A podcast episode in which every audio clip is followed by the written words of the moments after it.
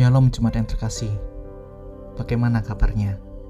Saya berharap dan berdoa kita senantiasa Tuhan berikan kekuatan dan diberikan penyertaannya dalam menjalani setiap kehidupan ini. Hari ini kita kembali mendengarkan renungan seorang murid yang diambil dari bahan gema. Mari kita berdoa terlebih dahulu sebelum kita mendengarkan kebenaran firman Tuhan. Mari kita berdoa. Bapa dalam surga, kami bersyukur untuk penyertaan, untuk kasih karunia yang Tuhan berikan pada setiap kami, sehingga pada hari ini kami boleh kembali bersama-sama mendengarkan kebenaran firman Tuhan sebelum kami memulai setiap aktivitas kami. Kiranya Tuhan memberikan kami hikmat, kiranya Tuhan membukakan setiap pintu hati kami sehingga firman Tuhan ini menjadi benih yang baik dan menjadi pelita bagi setiap kehidupan kami. Terima kasih Tuhan, kami serahkan waktu pemberitaan firman Tuhan ini hanya di dalam nama Yesus Kristus kami berdoa dan bersyukur. Haleluya. Amin. Jemaat yang terkasih, pembacaan hari ini terambil dari kitab 1 Samuel pasal yang ke-11. Saya akan membacakan ayat yang pertama sampai yang ketujuh saja. Demikian firman Tuhan untuk kita. Maka Nahas seorang Amon itu bergerak maju dan berkemah mengepung Yabes Gilead. Lalu berkatalah semua orang Yabes itu kepada Nahas, Adakanlah perjanjian dengan kami, maka kami akan takluk kepadamu. Tetapi Nahas seorang Amon itu berkata kepada mereka, Dengan syarat inilah aku akan mengadakan perjanjian dengan kamu, bahwa tiap mata kananmu akan kucungkil. Dengan demikian aku mendatangkan malu kepada segenap orang Israel Para tua-tua Yabes berkata kepadanya, Berikanlah kelonggaran kepada kami tujuh hari lamanya, supaya kami mengirim utusan ke seluruh daerah Israel, dan jika tidak ada seorang pun yang menyelamatkan kami, maka kami akan keluar menyerahkan diri kepadamu.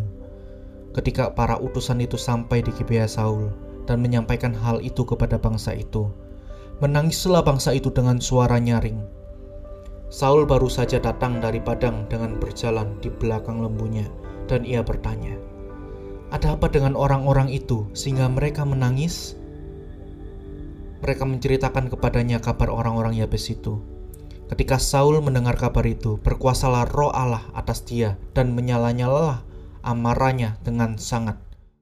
Diambilnyalah sepasang lembu, dipotong-potongnya, lalu potongan-potongan itu dikirimkannya ke seluruh daerah Israel dengan perantaran utusan pesannya.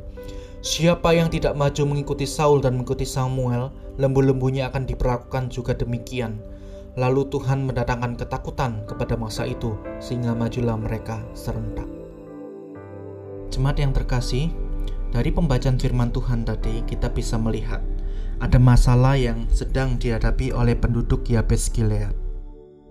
Ada bangsa Amon, ada Nahas, Raja Amon, yang bergerak maju dan berkemah sedang ingin mengepung Yabes Gilead. Kita bisa lihat di ayat yang pertama. Dikatakan dengan syarat inilah aku, Nahas Raja Amon akan mengadakan perjanjian dengan kamu bahwa tiap mata kananmu akan kucungkil. Dengan demikian aku mendatangkan malu kepada segenap orang Israel. Mengapa Yabes Gilead diserang? Kemungkinan jemaat yang terkasih kita bisa melihatnya bahwa penduduk Yabes Gilead ini bukanlah orang yang ahli perang. Orang-orang Yabes Gilead ini adalah para ahli surat kalau kita melihat di informasi dalam satu Tawarik pasal 2 ayat 55. Mereka adalah ahli surat bukan ahli perang. Dicatat juga dalam Hakim-hakim pasal 21 ayat 19. Orang-orang Yabes Gilead ini, penduduk Yabes Gilead tidak ikut perang saat suku-suku Israel lainnya sedang berperang.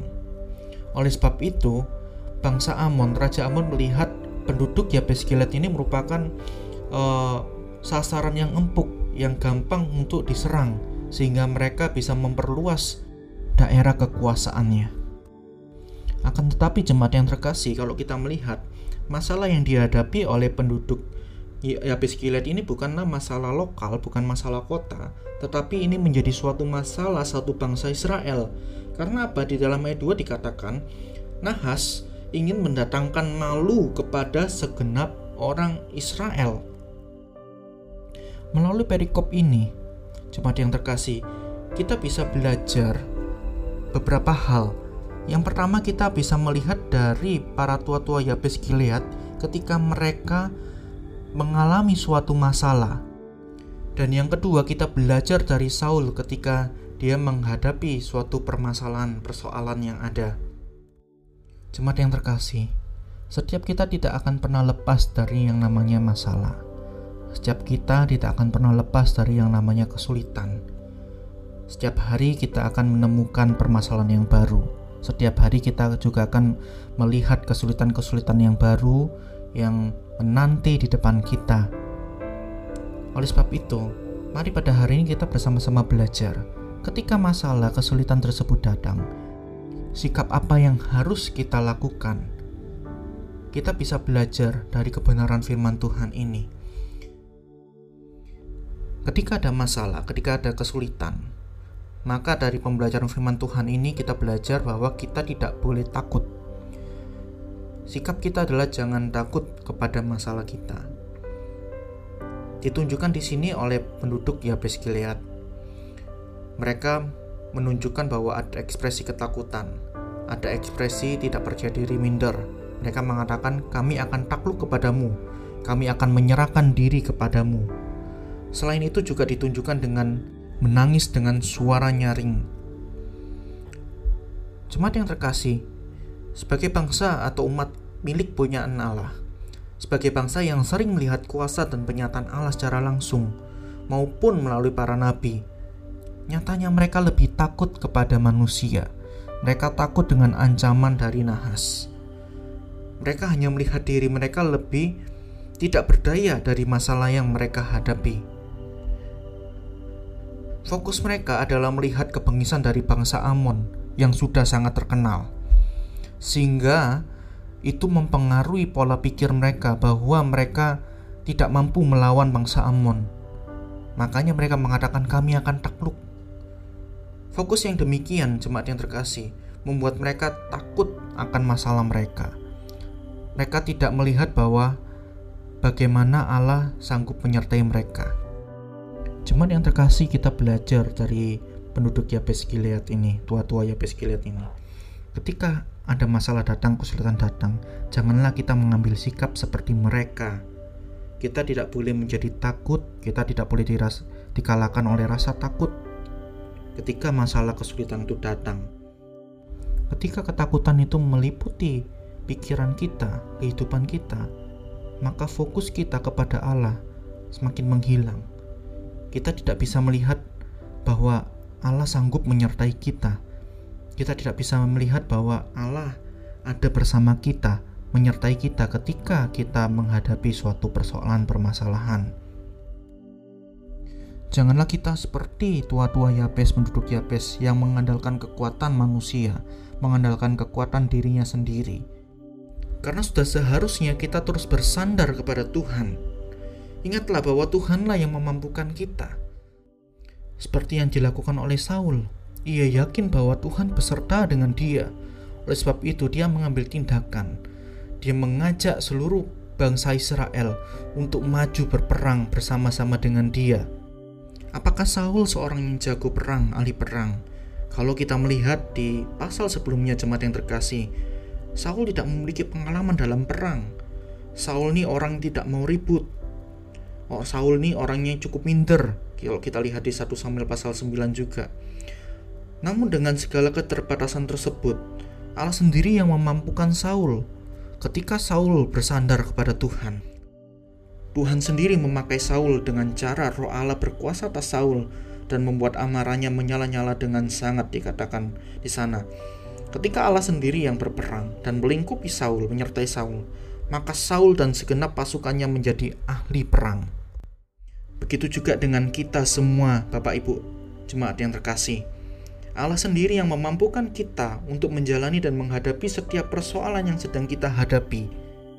Asalkan kita terus bersandar kepada Tuhan. Ingatlah bahwa Tuhanlah yang memampukan kita untuk menghadapi segala masalah yang kita hadapi. Mari jemaat yang terkasih, mari kita menghadapi setiap permasalahan, setiap kesulitan bersama dengan Allah. Janganlah takut kepada masalah kita. Terus bersandar dan berharap kepada Tuhan. Dan ingatlah bahwa Tuhan selalu memampukan kita untuk menghadapi setiap persoalan kita. Amin untuk firman Tuhan, mari kita berdoa. Bapa kami dalam kerajaan surga, kami bersyukur Tuhan untuk firman Tuhan yang telah kami dengar pada hari ini. Biarlah setiap kami Tuhan boleh menjadi pelaku-pelaku firman Tuhan ini. Kami telah mendengar Tuhan bagaimana kami menghadapi setiap persoalan, kesulitan, permasalahan yang ada. Kami harus terus tetap bersandar kepada Tuhan, karena kami tahu Tuhan, Tuhan sendiri yang memampukan setiap kami, yang menyertai setiap kami ketika kami dalam kesulitan dan persoalan.